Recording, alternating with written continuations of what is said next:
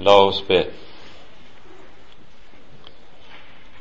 Deg takker og lover vi, Herre Guds Sønn, du som kom for å bære våre byrder. Deg takker og lover vi at du også har lovet å komme til oss når vi er samlet i ditt navn om ditt hellige ord. Så ber vi, send din ånd, ta deg av våre hjerter og lær oss å tro deg alene.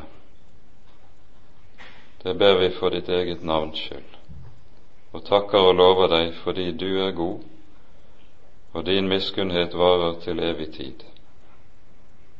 Amen. Dette hellige evangelium står skrevet hos evangelisten Matteus i det ellevte kapittelet.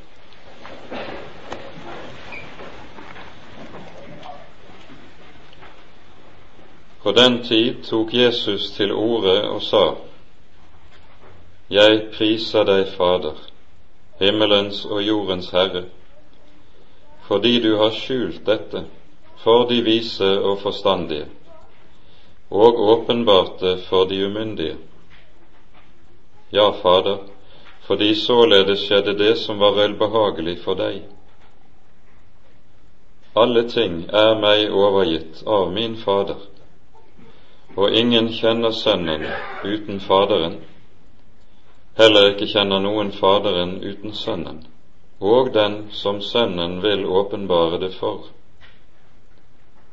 Kom til meg, alle dere som strever og har tungt å bære, og jeg vil gi dere hvile. Ta mitt åk på dere og lær av meg, for jeg er saktmodig og ydmyk av hjerte.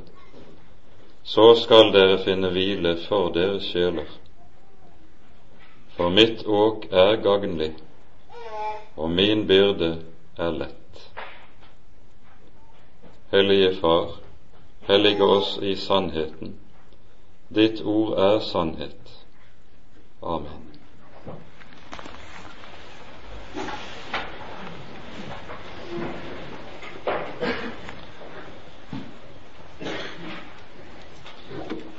Denne teksten er en forunderlig tekst, som også nok er en kjær tekst for mangt et Guds barn men den er talt ved en anledning som kan vekke undring. I eh, det foregående, i det ellevte kapittelet i Matteusevangeliet, hører vi om hvorledes Jesus blir avvist. Avvist i en rekke av Galileas byer. Og uh, han uttaler de sterkeste domsord over disse byene i deres selvklokhet når de avviser ham som Messias, som den som oppfyller løftet. Og midt inne i denne strenge domstalen over Galileas byer er det altså at Jesus bryter ut jeg priser deg, Fader, himmelens og jordens skaper, fordi du har skjult dette for vise og forstandige og åpenbart for umyndige.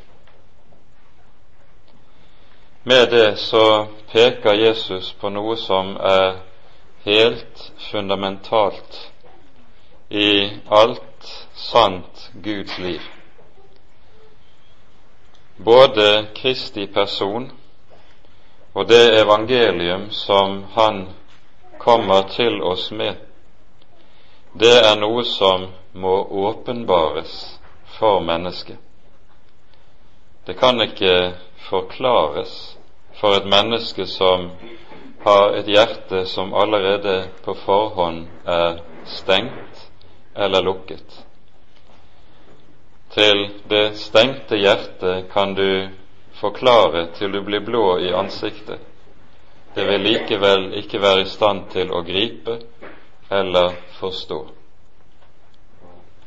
Det må åpenbares. Og så er det vi ser noe av dette virkeliggjøres i en rekke sammenhenger i ikke minst Matteusevangeliet. Jesus begynner bergpreken med ordene Salige er de fattige i ånden, for himlenes rike er deres. Og når Peter litt senere avlegger sin store bekjennelse, du er Messias, den levende Guds sønn, så responderer Jesus på dette med å si, Salig er du, Simon, Jonas' sønn, for kjøtt og blod har ikke åpenbart deg dette, men min Fader i himmelen.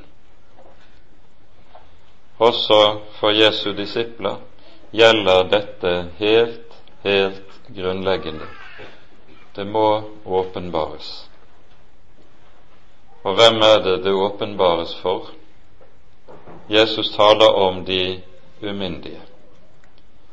Og det er jo i tråd med dette at Jesus enda litt lenger ut i Matteusevangeliet, etter at disiplene har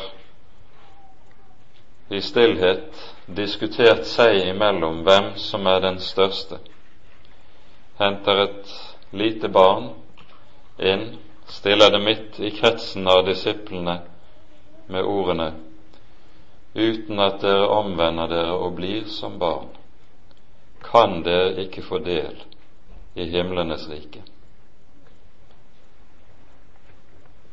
Det er skjult for vise og forstandige, åpenbart for umyndige.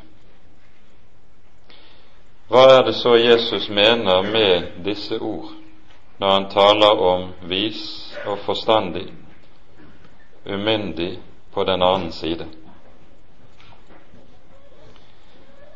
Skal vi fatte, omfatte det hele i en enkel sum, så er det her tale om den selvklokhet som gjerne preger det gamle mennesket, og som gjør at det gamle mennesket alltid, når det stilles ansikt til ansikt med Gud og Hans ord, søker å stille seg i et bedømmende forhold til Guds ord. Det stiller seg i et bedømmende forhold til forkynneren og forkynnelsen.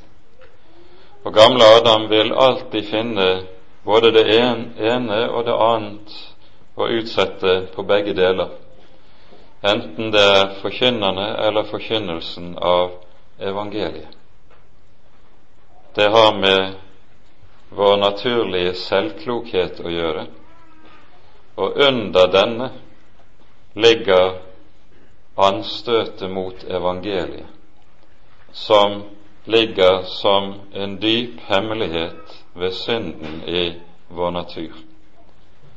Det naturlige mennesket bærer i seg et dypt, dypt anstøt mot korset og mot evangeliet. Og Derfor er så å si det grunnleggende under som Gud må gjøre i et menneskes liv hvis han skal slippe til hos det. Det består i at et menneske går over fra å stå i et bedømmende forhold til Gud og Guds ord, til selv å vite seg nå er det jeg som bedømmes av Gud og Hans ord. Og denne overgangen fra det ene til det annet, det kan ofte ha de største omkostninger. Og det må et Guds under i et enkelt menneskes liv til for at dette skal kunne skje. Paulus taler om noe av det samme i Korinterbrevet når han skriver følgende:" ingen dåre seg selv. Om noen iblant dere synes seg å være vis i denne verden, han blir en dåre for at han kan bli vis. Sett din lit til Herren av hele ditt hjerte, og stol ikke på din forstand, hører vi i ordspråksboken. Det er samme sak som går igjen hele veien i dette. Og nettopp her er det også Herren Jesus kolliderer med alt det som kjennetegner også det moderne mennesket og den tid vi lever i. Det som jo er idealet, er at mennesket skal være myndig. Man taler om det myndige mennesket, som med rak rygg og kneisende hode ikke trenger noen Gud til å fortelle seg verken om rett eller galt, sant eller falskt, ikke trenger noen Gud fordi en selv er i stand til å orientere seg i verden. Ofte er det slik, ja kanskje alltid, at et menneske som tenker slik om seg selv, ikke stanses før det får en brutal kollisjon med nøden, med synden i eget liv, og en lider et havari der all selvhjulpenhet til tar slutt. Det er en gammel sannhet at det er først når jeg går fallitt at jeg begynner å kunne trenge evangeliet og se evangeliet. Gå fallitt i all min selvhjulpenhet og selvstorhet. Jeg priser deg, Fader, fordi du har skjult dette for vise og forstandige, og åpenbarte for umyndige. Dette kjennetegner evangeliet, og derfor taler Skriften om evangeliet som en hemmelighet, som et mysterium. Det er benevnelsen som Skriften ofte anvender på evangeliet.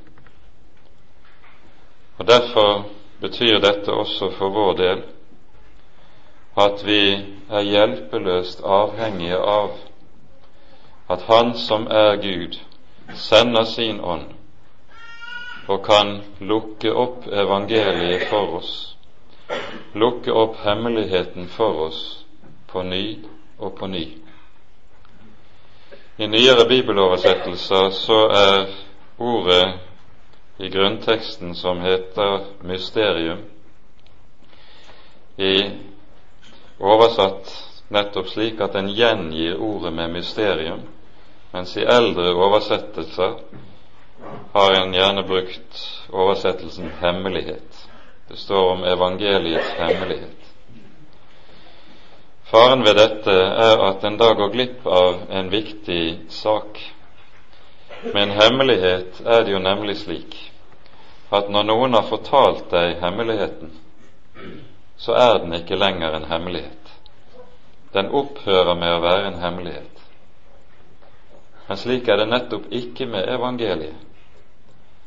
Når du har hørt det, så forblir det et mysterium som du fortsatt er avhengig av blir lukket opp for deg på ny og på ny.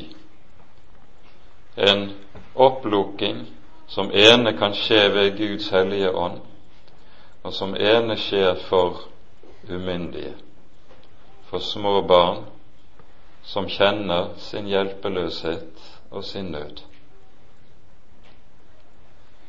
Når Jesu undervisning om dette er koblet sammen med det dyrebare ordet Kom til meg, alle dere som strever og har tungt å bære, så peker jo dette nettopp på det som er menneskets hjelpeløshet. Hjelpeløshet i møte med tilværelsen og med et liv som ofte er tungt for oss. Menneskets liv har ofte blitt beskrevet som at det består i å bære.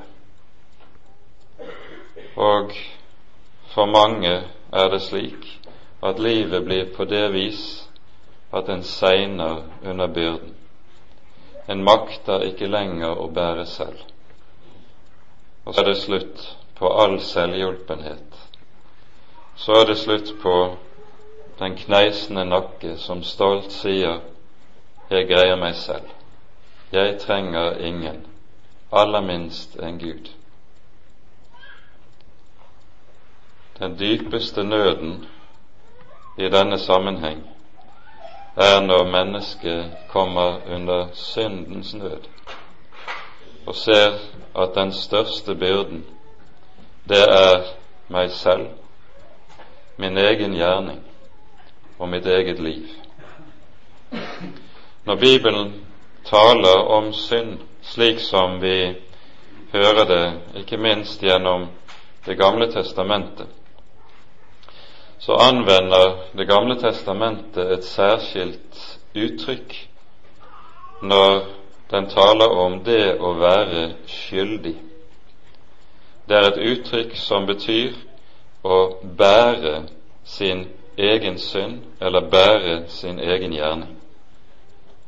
Tankegangen er den at når synd er begått, så er ikke det noe som bare ligger bak meg i livet men den blir liggende på meg som en bør.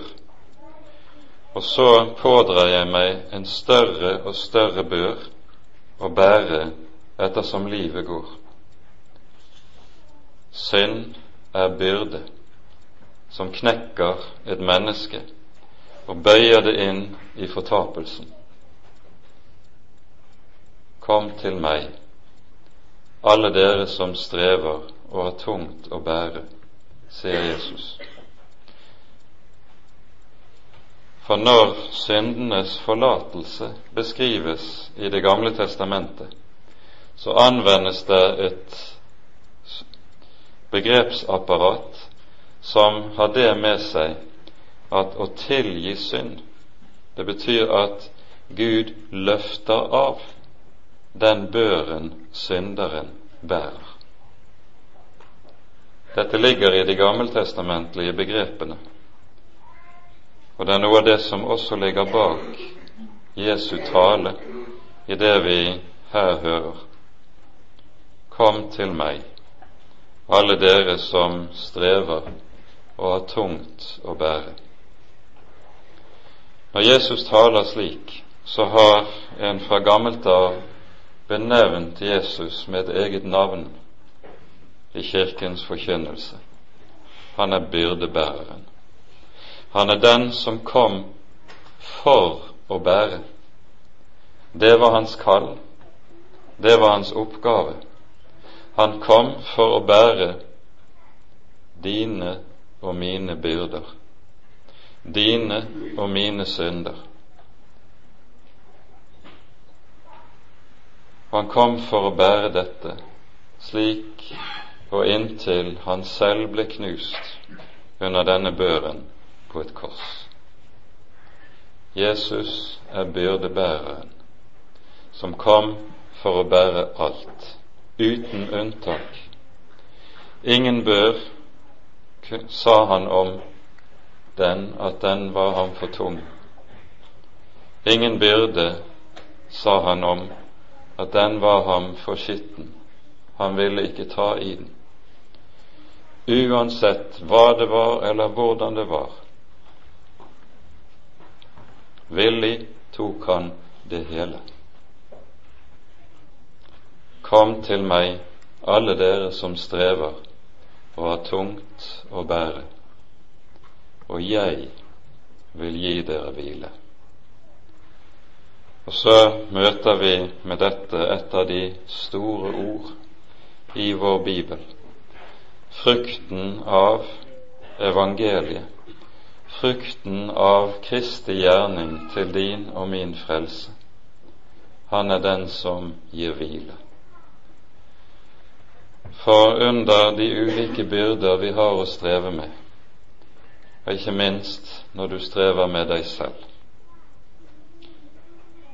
så er det en som kan gi nettopp hvile. Og vi møter dette som et hovedord i vår bibel når det tales om Herrens gjerning inn i våre liv. Bare i håp til Gud er mitt hjerte stille, synger David. Og hos Jesaja kan vi lese Guds ord og løfte. I stillhet og i tillit skal deres styrke være. Ja, når det tales om Herrens gjerning for sitt folk, når han førte dem opp av Egypt, så sies det lik feie som går ned i dalen, førte Herrens ånd dem til hvile. Slik ville han gjøre seg et herlig navn. For det å føre syndere til hvile, det er noe av det som er målet. I evigheten er det den store sabbatshvilen ligger som løfte som venter på Guds barn. Her i tiden gir det å få lov til å høre evangeliet, noe av en forsmak på det. Du får lov til å senke skuldrene i visshet om at det er en annen som har tatt og skal ta byrden. Herren skal stride for dere, og dere være stille. Jesu tale inn i dette er antagelig i veldig sterk utstrekning rettet mot fariseernes måte å tale og tenke på.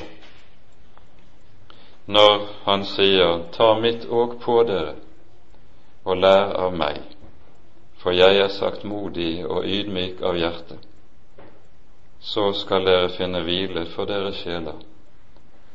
Så er det slik at dette med åket det var en av de viktigste tankene, et av de viktigste begrepene i fariseernes teologi.